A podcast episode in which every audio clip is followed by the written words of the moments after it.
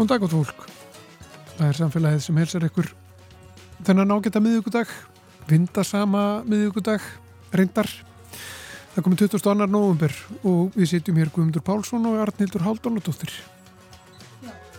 Og það er margt framöndan hjá okkur í dag, eins og alltaf. Loftslagsaðgerðir og réttlátt umskipti er hægt að ráðast í harðar loftslagsaðgerðir án þess að það bytni á almenningi og hvert er hlutverk verkalýsreyfingarinnar í því. Við ræðum þetta við auði Ölfu Ólastóttur, sérfræðing í umhverfis og neytendamálum hjá ASI. Allskins veirusíkingar herja nú á landsmenn. Þetta eru gamlir kunningar eins og RS-vírus, ímsar kvefpestir og auðvitað COVID sem er í nokkrum ham þessa dagana. Og svo er influensan að banka á diðnar og við ætlum einmitt að ræða influensuna. Hvernig hún breyðist út og hvernig gengur að bólusetja gegn henni. Kamila Sigriður Jósefsdóttir yfirlegnir bólusetninga hjá sótvarnalegni ætlar að fræða okkur um influensu. Málfarsmínutan verður svo á sínum stað sem og vísindarspjallið með henni ettu Olgudóttur. En fyrst eru það réttlátt umskipti á vinnumarkaði og víðar.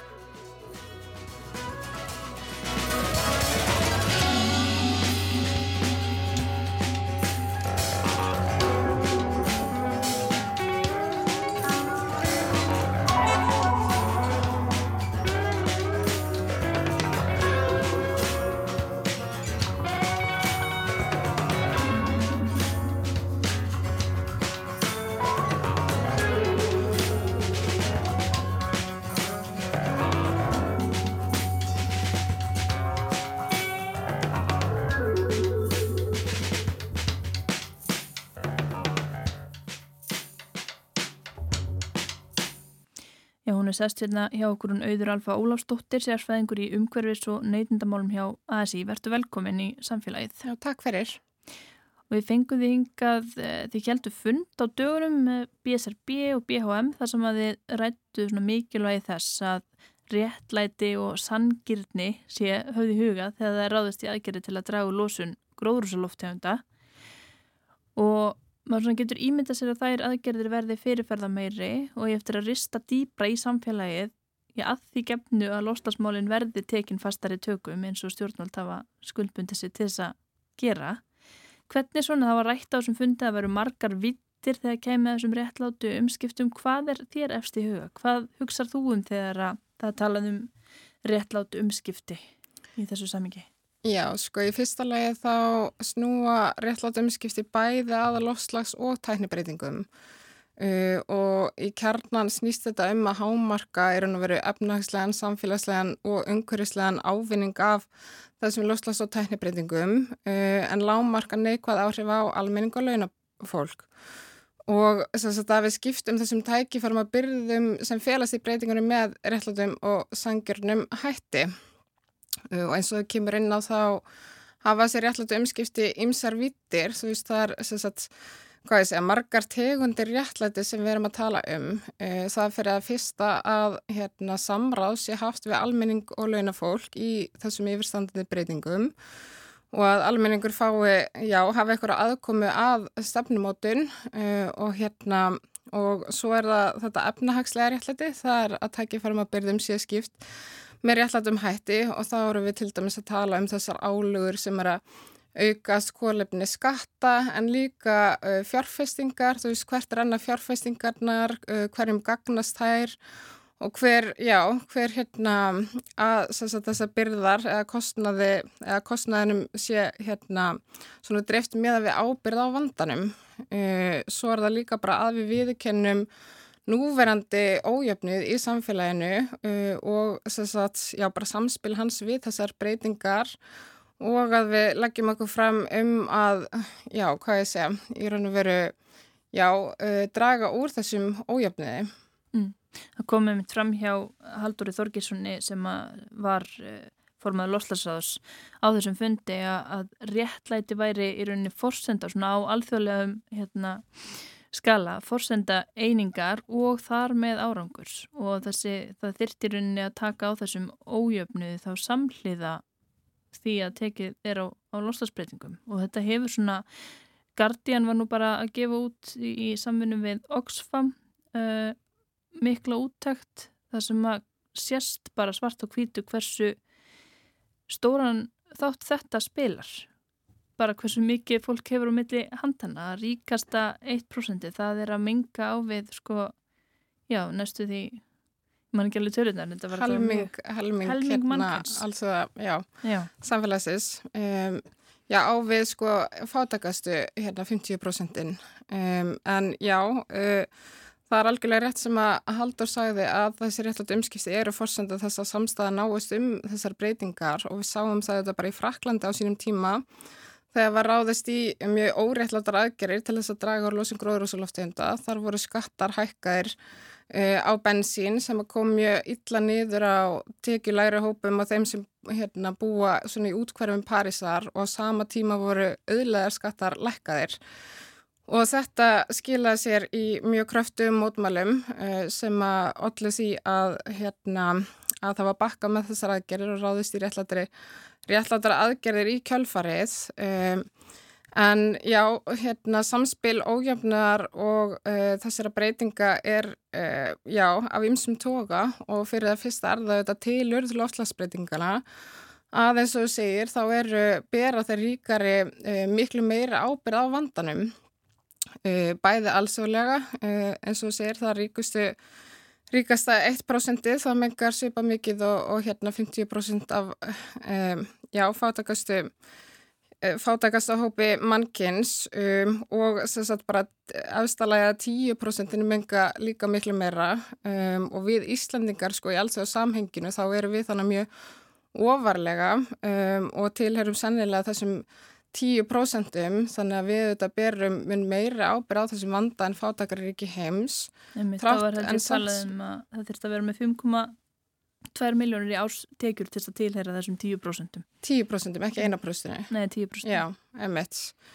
Um, já, og hérna, já, árstekjur, emitt. Já, já. já, þannig að það er ansi margir, ef ekki bara allir íslendingar sem að falla þarna undir, sko. Já, mjög stór hluti. Um, þannig að það er bæði tilur lofslagsbreytingana og svo er það hérna, um, já, um, hvernig hérna að það eru þessar aðgerri sem að við þurfum að ráðast í til þess að takast á við vandan um, það eru þetta miða við hver ber mesta, eða hvaða hópar bera mesta ábyrð á vandanum, þá er ekki réttlátt, uh, það er ekki létt, réttlæti í því að, að hérna um, álögur vegna vandans, til dæmis kólumdiskattar komi lang vestnir á þeim fátakustu uh, sem að bera minnsta ábyrð á vandanum Og við þurfum einhvern veginn, já, að sjá til þess að þeir sem bera mesta ábyrð, uh, þetta ríkasta 1% uh, sem að, já, bæði er að neyta mest og svo er þetta, þetta bara, sko, fjármakseigundur og eigundur fyrirtæki á efsta lægið uh, að þeir,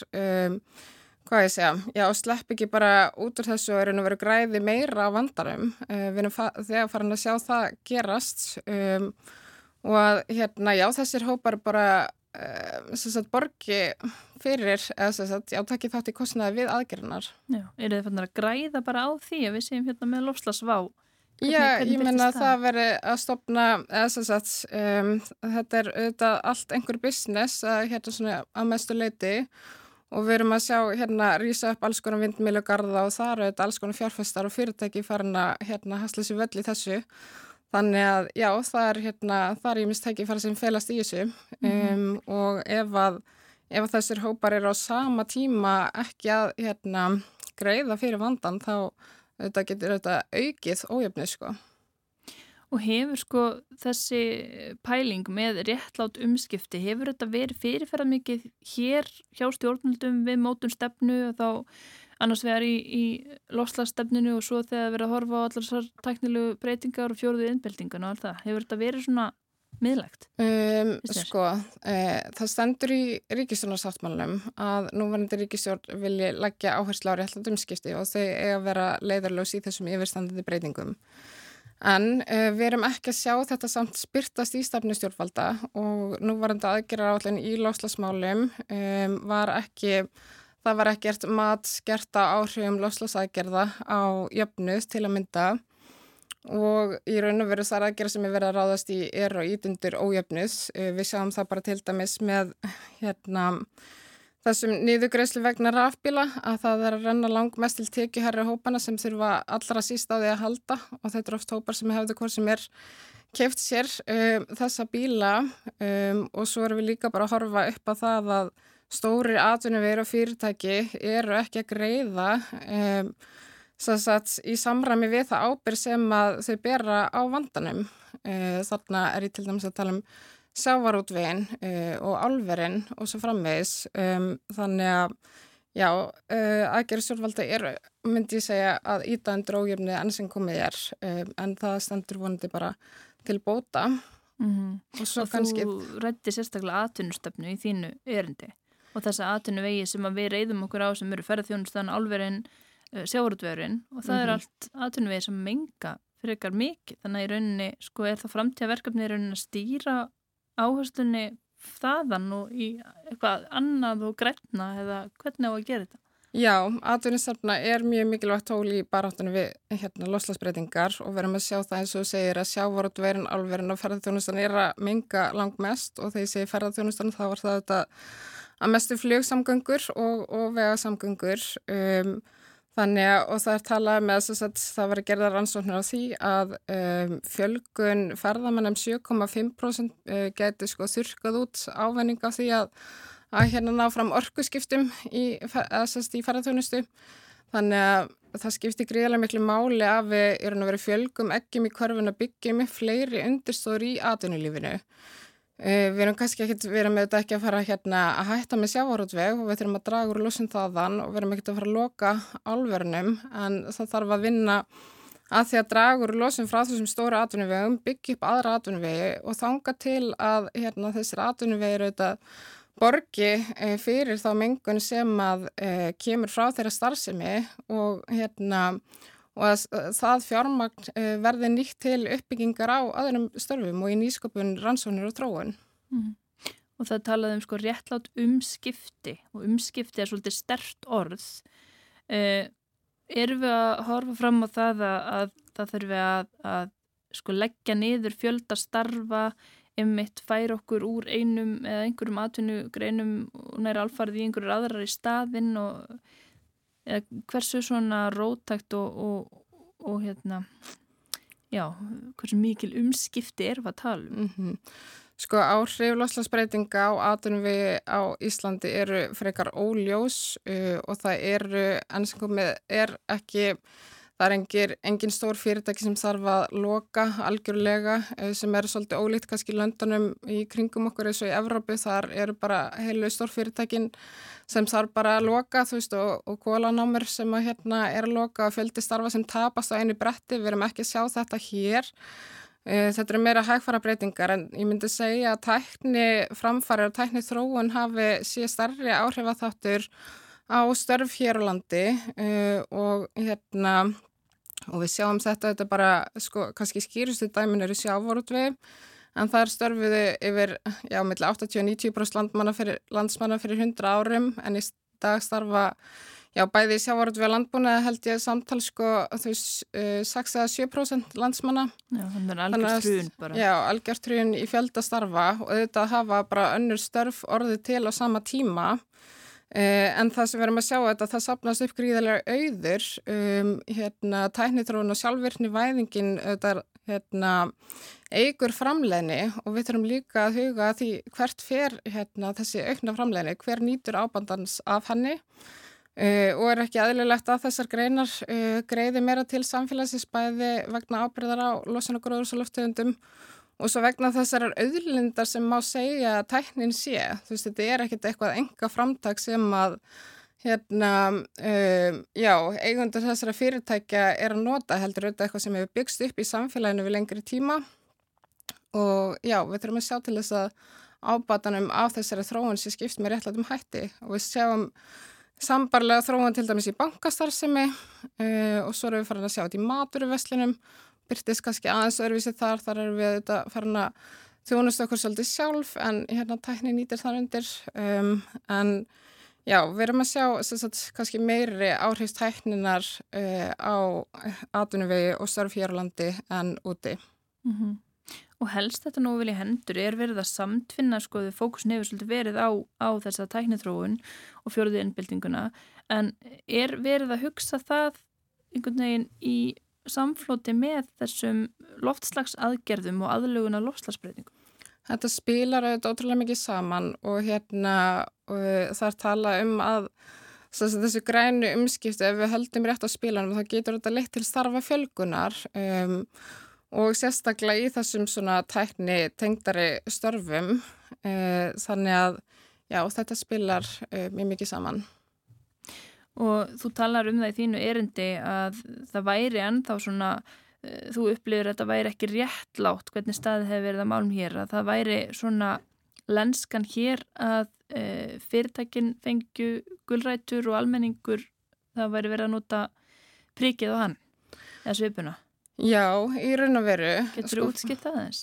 Já, fyrir að fyrsta þá hérna, hefur þetta ekkit samráð verið haft við almenningum um þessa lofslagsakgerir uh, en við erum ekki að sjá það sama varandi aðun við sjávarútverun til dæmis fekk um, Já, mikla aðkomi að og í raun og veru bara tók þátt í að móta stefnu í loslasmálum fyrir sjáuröldveginn um, og já, við erum að sjá að, uh, að atvinni veru fyrirtæki kalla mjög mikið eftir því að stjórnveld komi að málum sko með fjárhagslegum stuðningi, að fyrirtæki njóti fjárhagslega stuðnings við það að ráðast í þessi orkuskipti og hérna loslasaðgerðir en á sama tíma er kannski viljen til þess að hvað ég segja, þú veist, leggja eitthvað til, um, já, leggja eitthvað fjármagt til eitt mikill, að þú veist, það er enginn til í að borga þessa skatta, menguna skatta, uh, en á sama tíma, sko, já, er almenningur, um, já, eru bara skattar að leggjast frekar þungt almenning, uh, það eru, hérna, bara ímið skjáltaka, uh, bæður kólumni skattar, það eru að herri bifræðugjöld og svo frammeðis á meðan að, sko, hvaðanir eru ekki, ekki til staðar uh, og þetta eru hérna þessi skattar, kólumni skattar og, og hérna svona herri gjöld uh, hugmyndafræðin bak við það er að þetta eigi að um, hafa áhrif á okkar hegðun um, og hérna hveti okkur til, til þess að skipta um samgöngum á það en eins og staðan er í dag að þá er eru almenningssamgöngur ekki raunhafur valkostur fyrir mjög marga, þetta er það ekki algilt og þetta geta einhverjar hópar nýst sér almenningssamgöngur. En, en hérna það er lítið gert til þess að byggja hérna upp uh, góðar, skilvirkar og ódýrar almenningssamgöngur. Uh, þannig að já, valkosturinn er ekki stað, til staðar þú veist þannig að almenningur er eitthvað bara fastur í, í þessu eða stór hluti fólks að hérna kera bensinbílinn og taka við þessari auknu gjaldtöku en getur ekki breytt um hæðun og það er sérstaklega tekjulegra hópar sem hafa ekki mögulega ná að kaupa sér til dæmis uh, rafbíla. Þannig að og það væri þetta kvati þú veist ef að hérna þetta er það einhverju liti kvati ef við getum lækka útgjöld til samgangna og, og hérna skipti yfir í almenningssamgangur jábel þú veist þó það væri ekki bara fækka bílum á heimilinu um einn um, en já þessi valkostur er því mér ekki til staðar fyrir mjög marga Mm -hmm.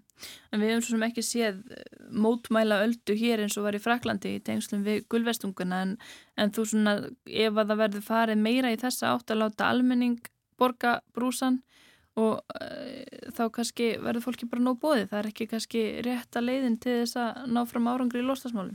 Ég held að hérna auðvitað eru stórir hópar fólks hér sem að hafa það bara nokkuð gott en ég held líka að við séum kannski ekki bara alveg meðvitið um þessa mynd sem er að byrtast okkur í hvaða mæli þessi göldar að hækka og, hérna, og hvað er verið að gera hvert aðunum um að fyrirtökjum á sama tíma. Uh, en við erum svona átt okkur byttur og byttur á því. Um, og auðvitað hafa líka stórir hópar notið til dæmis ívilina vegna uh, rafbíla og og hérna, og já, við erum auðvitað bara vön mikill skattheimtu og mjög hái verði á bensíni e, þannig að þetta blandast auðvitað allt líka saman, sko.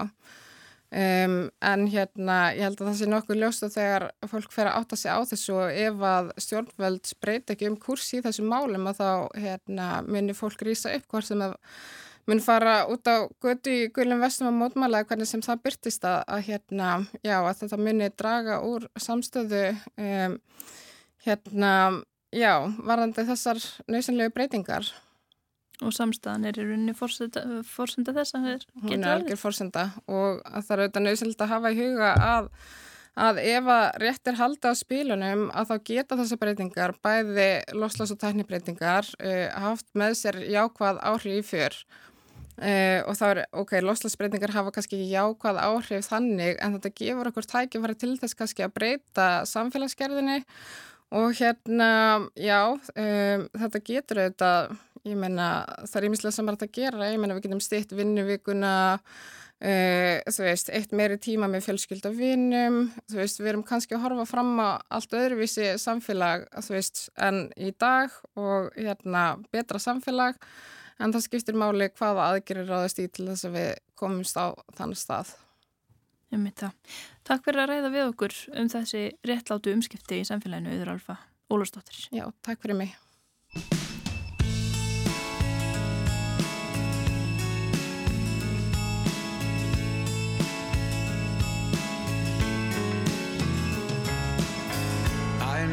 place between life and death for you and me.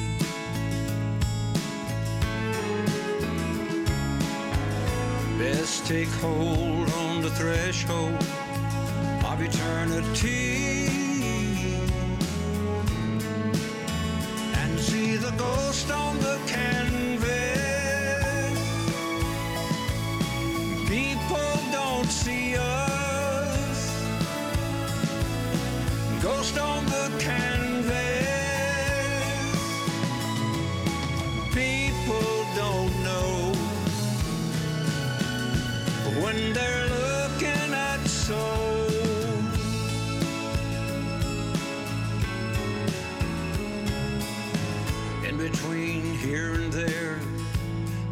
place that we can grow.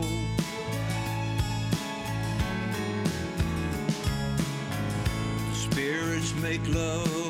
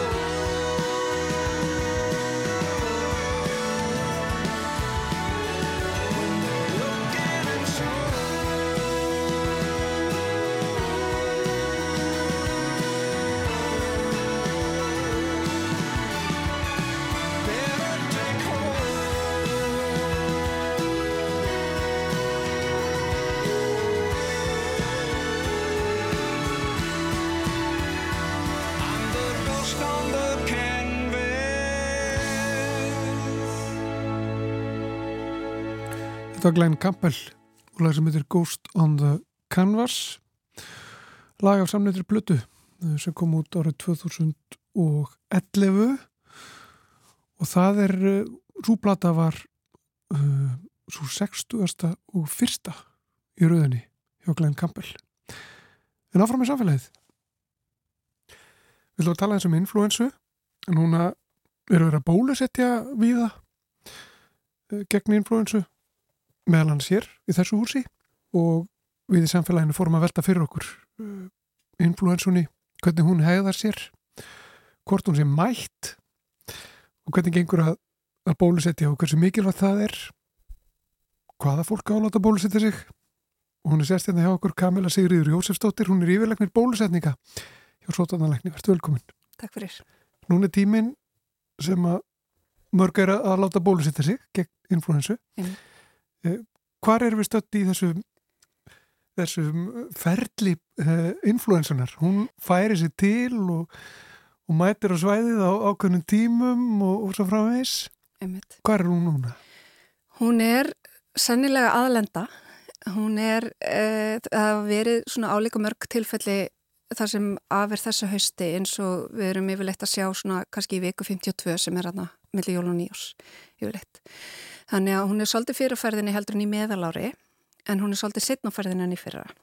Og það svona hefur verið hafa verið vangaveltur undarfærin árum hvar influensan muni lenda eftir COVID því að hún riðlaðist, þetta árvisa minnstur í influensinu riðlaðist mjög mikið á meðan COVID-faraldurinn stóði yfir og allar þessar samfélagslegu aðgerðir voru í gangi. Þá dró úr flestum öndunumfæra síkingum influensan kom bara ekki neitt, neinstaðar eiginlega 2020-2021 en eftir það að þá fór hún að láta á sig kræla aftur og kom sint að vori uh, 2020 og tvö og svo aftur um haustið og kom þá ofin í snemma þannig að í fyrr, fyrra haust að þá var hún komin alveg klárlega á þessum tíma en núna er svona, jú, sennilega en ekki alveg orðið staðfest. Já, en getur við, hvar, hvar byrjar uh, influensan yfirleitt og hvar endar hún? Uh, sko í þessum, í þessum þessari, þessari yfirferð síni, sinni einhvern veginn um heiminn? Það er, hún er, uh, hún er með mjög gott uh, tiltöla fyrir sjálegt minnstur uh, nálagt pólunum en því sunnar sem að fyrir á norðurkveli og norðar á suðurkveli að þá verður minnstrið minna áberandi.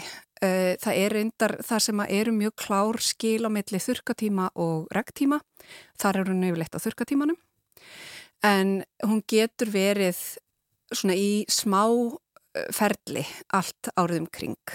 Og hún er það líka uh, hér svona norðarlega þá er alltaf einhver tilfelli en hún nær sér ekki á flug yfir hásumarið yfirleitt á norðurkveli eða svona norðarlega á norðurkveli þannig að og það er sama minnstur á suðurkveli þar er hún í, í lægð yfir sumarið og kemur svo klár faraldur að vetrinum sem er þá í júni til ágúst cirka til dæmis í Ástralju Já.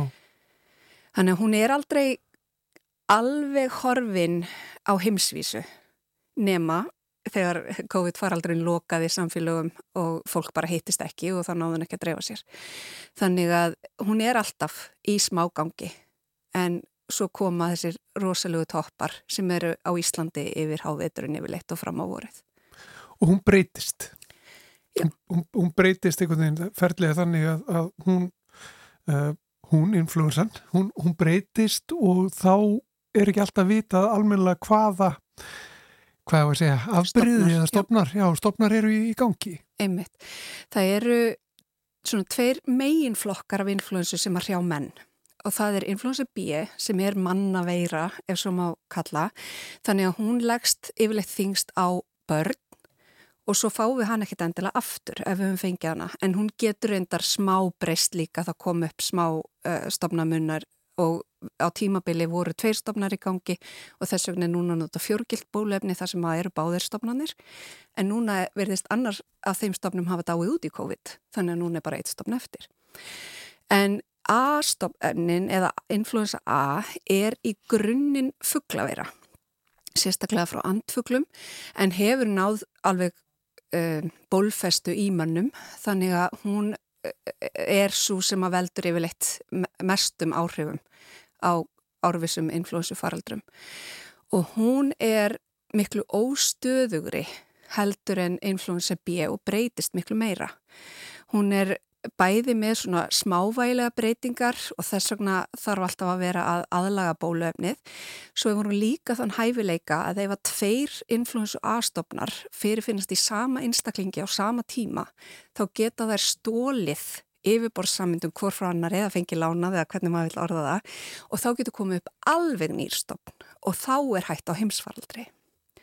Og núna undarfærin um, cirka þrjú ár hefur verið heimsfaraldur í fugglum þar sem að nýr influensu A-H5N1 stopn hefur náð sér á streik, hann byrjaði sennilega í Evrópu að því að þar voru áhrifin mest til að byrja með en hann hefur náð sér í rauninni á streik um mestallan heiminn en er ennþá bara í fugglum og hefur reyndar komið upp, hafa komið upp hópsíkingar í viltum spendirum en hefur ekki náð sér á streiki mönnum og gerir kannski ekki.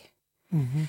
En þegar að influensa fær lánaðar samindir frá annari skildri veiru að þá duga yfirleitt engin bólefni og þarf að þróa nýtt og þá er, einmitt, eins og ég saði, heimsvaraldur yfirvofandi. Já. Við skulum ekki fara nýtt Nei. nánar í það þessu sinni. Áralega influensan er alveg nógu stór biti. Láta það duga í vili.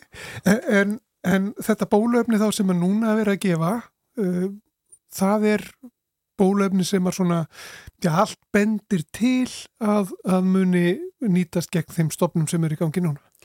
Já, það er alltaf fundur hjá Alþjóða heilbyrðismálastofnuninni snemma árs á hverju ári þar sem er farið yfir hvaða stopnar náðu sér á stryk og hvaða nýjur stopnar komu fram þann veturinn.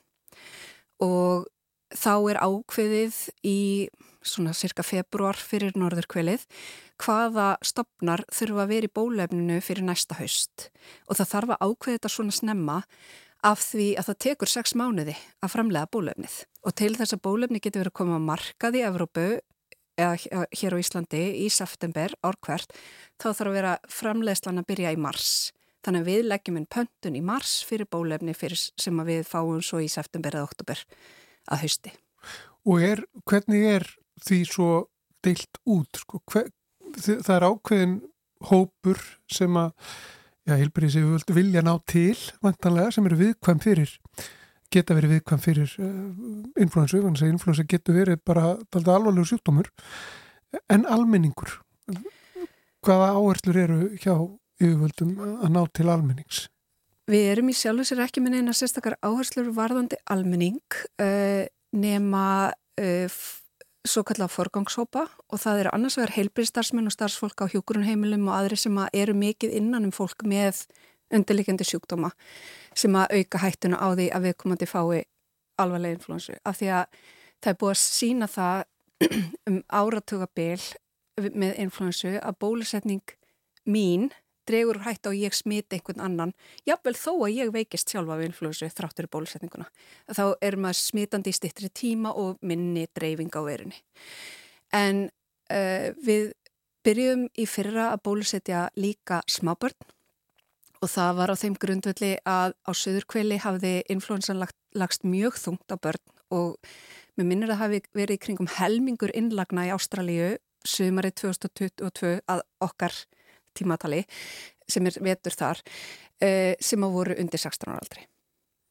Og við vildum ekki fá sama minnstur hér hjá okkur um veturinn og uh, mæltum með að það erði gjaldfrjáls bólusetning fyrir börn frá 6 mánu aldri því að það má ekki bólusetja yngri börn og upp í þryggjára og svo var þetta rætt í uh, sótvarnaráðir sem er svona ráðgjöfandi hópur uh, og leggur til bólusetningar ráðleggingar við heilbyrðisraðnætið og það var ákveð að halda þessu áfram núni í vetur að því að við gátum panta meira, við áttum stærri samning heldur við nótum í fyrra um, um bólefni þannig að við ákvaðum að panta allt bólefni núna í vetur og nýta það fyrir börn. Þannig að við mælum núna með bólusetningu allra barna frá 6 mánu til 4 ára. Þannig að börn sem eru fætt frá 1. janúar 2020 og þánga til núni í sumar og hafa náðu 6 mánu aldrei þegar bólusetningin býðst að þau fá hana gældfrjálst og það er þetta að fá bara tíma á helsugesslunni. Við tryggjum ákveði magnabólefni með samningum sem sótvarnalækni gerir og svo pöntum við í samræmi við nótkunnina sem við sjáum fyrir okkur. Bólefni samningurinn okkar dugar í rauninni ekki fyrir bólusetningu allra sem við teljum vera í áhætthópum.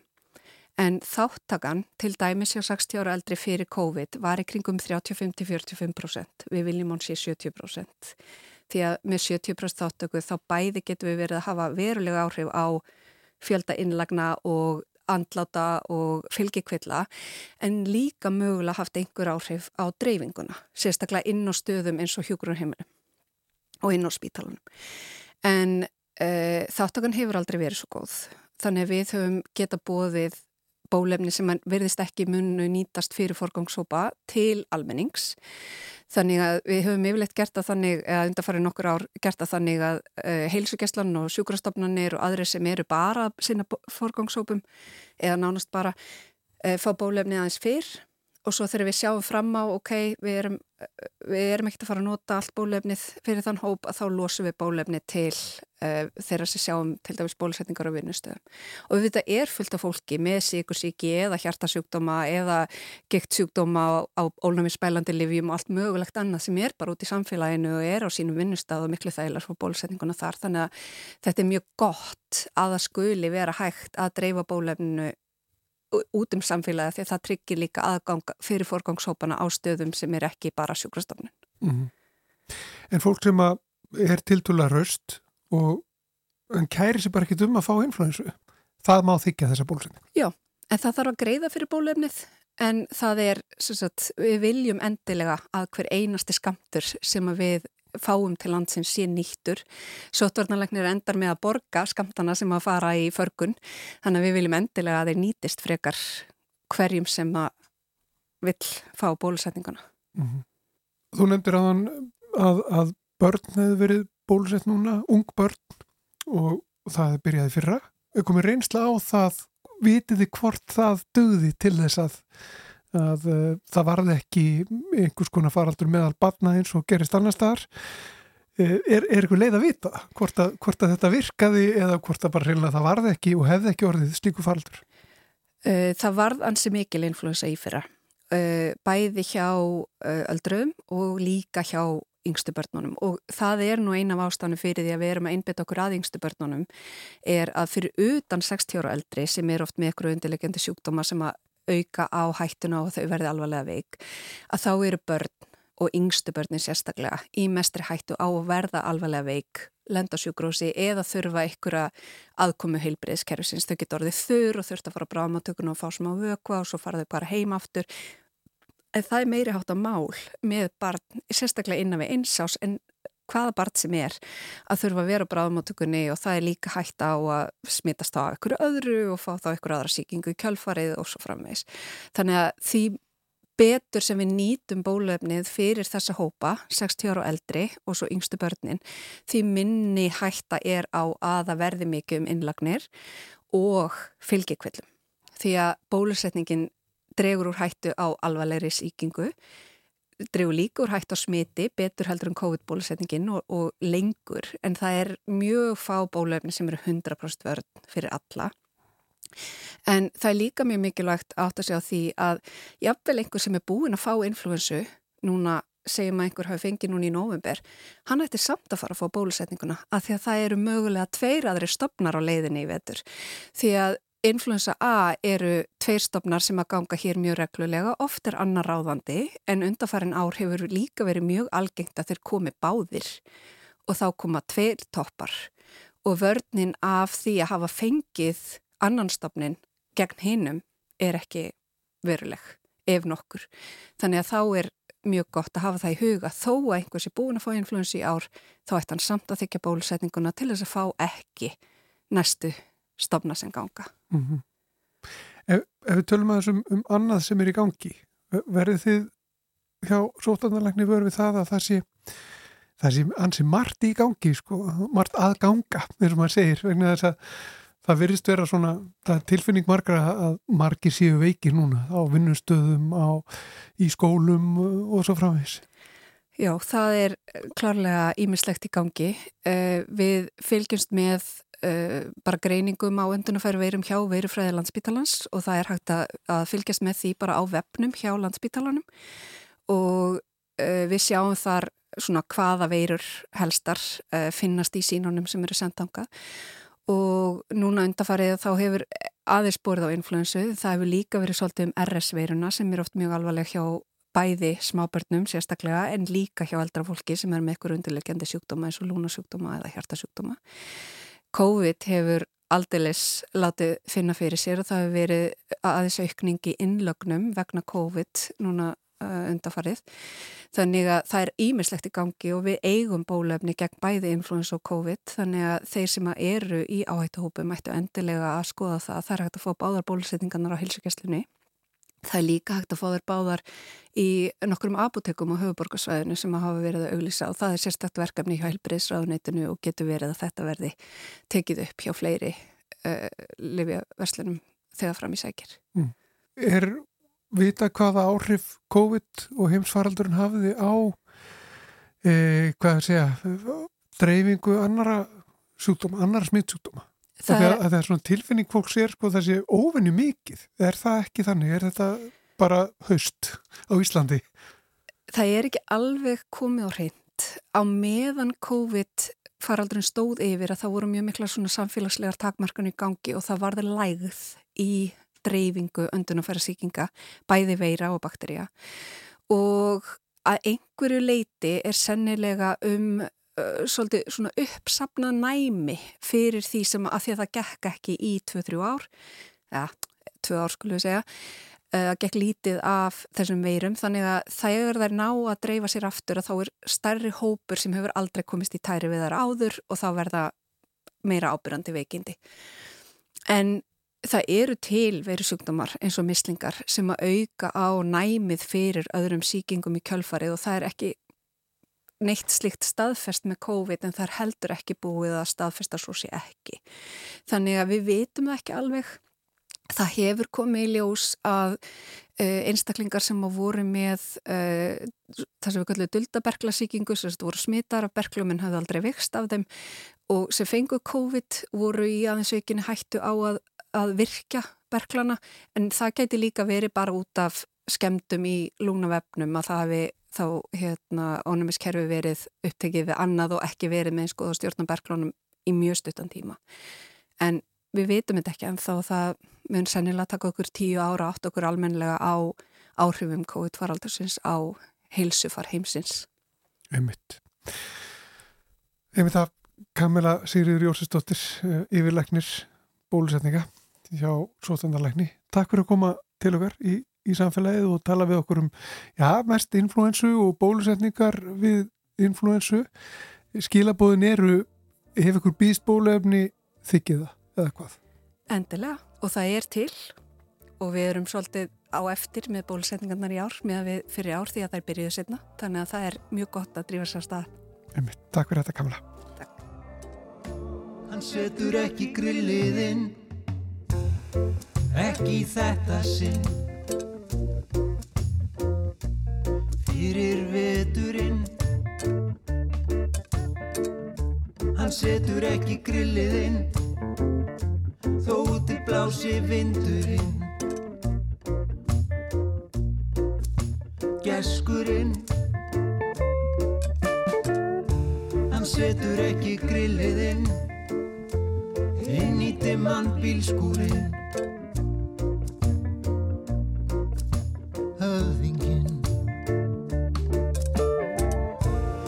bílskúrin gæti sólar glenna. Sett strykið sitt í reikningin Og eftir stæði grillarinn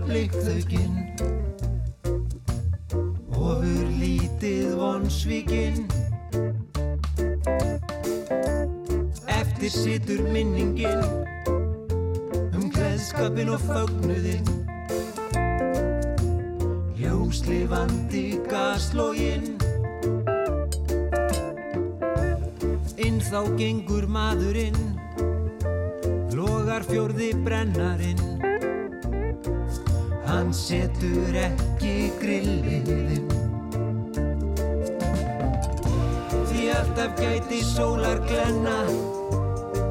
Sett strikið sitt í reikningin Og eftir stæði grillarinn. Á veröndinni vonsvíkin Því alltaf gæti sólar glenna. Sett strikið sitt í reikningin stæði grillarinn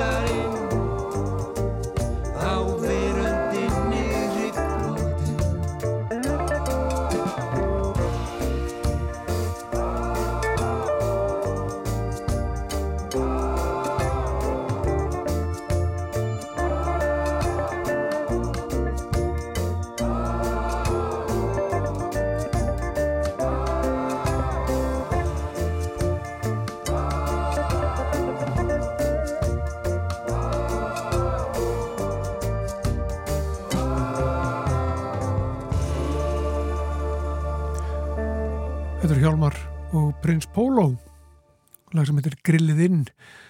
Og með við veðrið undarfarið þá vonum við að sjálfsögðu að sem flest hafi ymmit tekið grillið inn til að forða tjóni á uh, þeirri ágættu því ágættu heimilstæki sem grillið er. En við menn eftir að heyra vísindarspjall uh, við Eddu Olgudóttur það er hér eftir smá stund fyrst er það einn málfarsminúta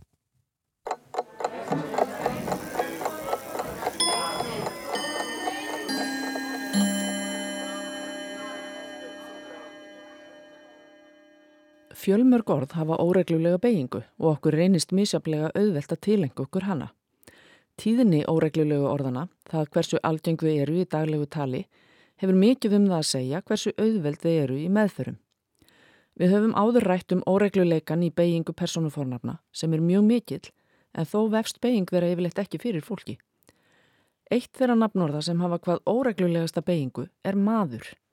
Það eru hljóðskipti í orðinu millir eintölu og fleirtölu Hljóðið eð kemur bara fyrir í nefnifalli eintölu og í raun er ekkert orði í íslensku sem beigist eins og orðið maður. Samt erum við ekki í neinum vandræði með að beigja það en það er það eitt af allra algengustu orðunum í málinu.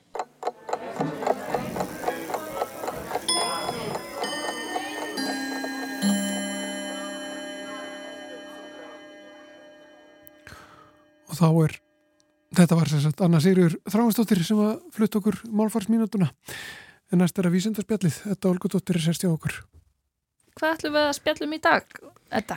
Heyrðu, í dag erum við að tala um hérna bakteríu sem eru forritar til þess að, að skinja krabbaminn. Bakteríur eru náttúrulega mjög stór hluti af, af mannslíkamannum og hérna og við búum í sambíli við sko ótal tegundir af, af bakteríum sem eru bara allstaðar á okkur á húðinni og í hérna meldingarfærunum og allstaðar sem að við erum náttúrulega bæði að græða hellinga á og þær græða hellinga á að, að búa hjá okkur. Og hérna þó að við séum sko svona venjulega þegar við erum að tala um bakteríur þá hérna þá kannski verið að setja mesta áherslu á bakteríur sem eru síkjandi Mm -hmm. uh, en þær eru bara ofbóslega lítið brot af þeim bakteríum sem eru til í heiminum og langt flestar eru það sem að kannski er talað um á góri íslensku góðgerlar. Það er að segja bakteríu sem að hjálpa okkur eitthvað og hérna til dæmis er þarmaflóran okkar hérna mjög rík af bakteríum og eftir því sem að, að hún er fjölbreytari að þeimun betra er það. Að það er svona þumarpjöta reglan að við hefum að vera með eins fjölbreyta þarmaflóru og, og mögulegt er. Og hérna nú er sem sagt hugmyndin er hjá ákveðnum vísindahópum er að búa til að nota þessar hérna þessar bakteríu sem eru nú þegar til í okkar eigin, þörm, okkar eigin flóru til þess að skinja það og þá mögulega getur við prófa það hvort að eitthvað sjúkdómur er að eiga sér stað. Og í einni rannsók sem ég rakst á, sem er hérna unnin við University of California, að þar eru þau sem sagt með bakteríur sem að heita, ég þarf eiginlega að fletta því upp, þar heita Acinetobacter bali. Já, og tengist ekki bali samt. tengist ekki bali, nei. Þær eru sem sagt, það er búið að erðabreita þeim þannig að þær skinja uh, ákveðna útgáfu af, af geni sem skráir fyrir prótíni sem heitir KRAS og KRAS prótín er sem sagt svona hérna uh, svona hérna bensíngjöf á frumurringin. Þannig að KRAS ítir áfram frumurringnum og segir hérna frumurringnum að halda áfram, halda áfram sínum ferli þegar allt er, allt lítur vel út.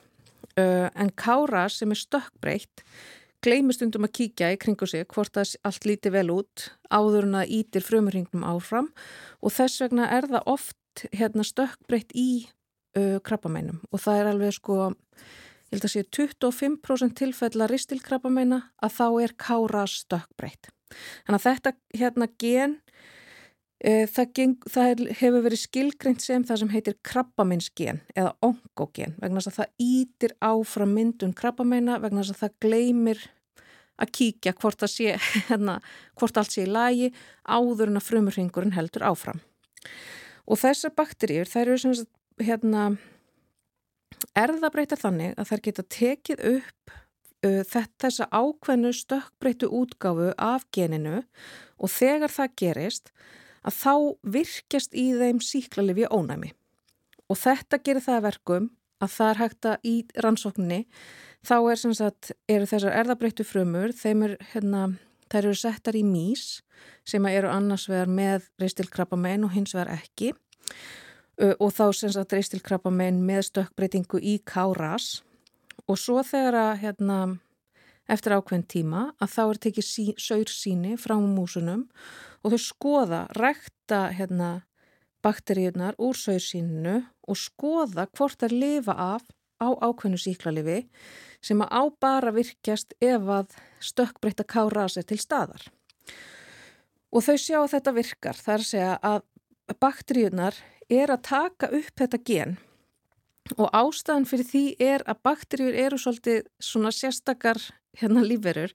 Það eru ekki eins og við sem að viljum hafa bara allt hérna, viljum ekki neina breytingar. Uh, bakteríur eru miklu meira til í svona prófa eitthvað nýtt í umhverfinu og eru mikið í því að taka upp erðaefni úr umhverfinu. Og það er til dæmis þannig sem að síklarlefi ónæmi færist á milli hérna stopna ef að hérna ef maður er með bakteríustofn í líkamannum sem er með síklarlefi ónami þá getur það færst á milli tegunda Þannig að það geta fleiri bakteríur tekið upp þetta ónami. Geta þær þá nýtt sér erða efni annara bakteríu? Já, það er nákvæmlega þannig. Við getum þetta nú alls ekki. Nei, við hefum algjörlega mist þetta, þennan stórkoslega þetta, hæfileika. Þetta er mjög mikill hæfileiki og náttúrulega það sem hefur gert það verkum að bakterjur þróast alveg ótrúlega hratt vegna þess að þær eru að taka upp erðaefni úr umhverfinu og þegar að þær eru með sko eitthvað svona hérna kvata í umhverfinu eins og mikið af síklarlefjum þá er rosalega gott að geta tekið upp síklarlefji ónami sem að kemur frá einhverjum öðrum tegundum. En þær eru mjög mis hérna viljuar til að gera þetta og misgóðar í þessu og þessi bakterja hún er sérstaklega mikið, hún gerir þetta mikið og er góði að taka upp erðaefnið og þegar hún gerir það þá innlimar hún það bara inn á sitt eigið erðaefni og notar það. Og þannig verður þetta síklarlefi ónami til í þessum tilteknu erðabreittu frumum vegna þess að þær eru að taka upp stökkbreytt káras og við það virkjast síklarlefi ónamið. Og þannig sagt, sjáum við hvort að hérna, mísnar eru með um, ristilkrabbamenn með kára stökkbreytingu eða ekki. Náttúrulega þegar við förum svo að sko færa þetta yfir á uh, mennina þá myndum við í fyrsta lagi ekki vilja vera með hérna virkja síklarlefi ónami. Það er kannski svona frekar... Já, það er afleitt leið til þess Já, myndi- að búið til nýtt vandamál í rauninni leiðinni. í raun og veru. Ég myndi halda að það væri ekki endilega leiðin til þess að, finna út þegar við tökum síni úr einstaklingnum hvort að, hérna, hvort að eitthvað síklarlefi ónami sé til staðar. Heldur væri kannski eitthvað annað eitthvað annað merki sem að bakteríuna getur gefið frá sér. En það sem að þetta er líka svona ef að segja svona neikvæða hliðin á þessu, er, þannig er verið að leita eftir mjög sértækri breytingu sem er bara í þessu geni og hún er sem sagt hún er algeng í ristilkrabbamennum þannig að þannig er verið að leita að e, stökkbreytingu sem gerist í ristilkrabbamennum í 25% tilfella. En kannski er það líka, veist það getur líka verið betri leið en engin. Þó að við séum sko vegna þess að krabbamenn eru svo ótrúlega fjölbreyttur sjúkdómur, ekki bara það að hann getur verið í sko mismunandi lífærum, hann getur líka verið í mismunandi frumugerðum og svo getur líka verið mismunandi hvaða breytingar verða á erðaefninu. Þannig að það þarf að vera, veist, við vitum ekkert alltaf að hverju við erum að leita og það að fara í skimun fyrir stökkbreytu káras að það, hérna, og fá neikvægt svar að það þýðir ekkit endilega að allt sé neikvægt. Nei, getur verið falskt, falskt öryggi. Það getur verið ákveð falskt öryggi í því einmitt. En það væri samt hérna, þetta gefur ákveðna svona vonum að það væri hægt að vera með bara uh, stórt próf sem að prófar bara helstu hérna, þekktu krabbamenns og axlisbæli gen sem við þekkjum nú þegar og það væri hægt að nota þau til þess að í raun og veru láta bakteríunar skim okkur og svo væri bara tekið saursýni og við getum séð, já, hérna er eitthvað að gerast. Vegna þess að þetta, eins og stökkbreytingi káras, gerir snemma í ferlinu og þá væri hægt að grípa krabbamennið mjög snemma í ferlinu, áður en það er endilega orðið að hættulegu ægsli. Eða... Já, nákvæmlega. Þannig að þetta er svo hérna, mjög spennandi tímar ef að þetta heldur áfram. Já, við bara vonum það besta að, að þetta hérna, skili, skili því sem að vísindamennir vonast til. Algjörlega. Grósum fingur. Takk fyrir spjallið, þetta Olgudóttir. Takk fyrir mig. Og með spjallið okkar við þetta Olgudóttir ljúku við samfélaginu þennan miðugudaginn. Já, þennan vindasama miðugudag. Vonum að það viðri betur á landsmenn á morgun. Já, við sýnum stefni í það. Það, já, það er gott. Sjáum til, vonaðu besta. En takk, Takk fyrir okkur í dag. Verið sæl.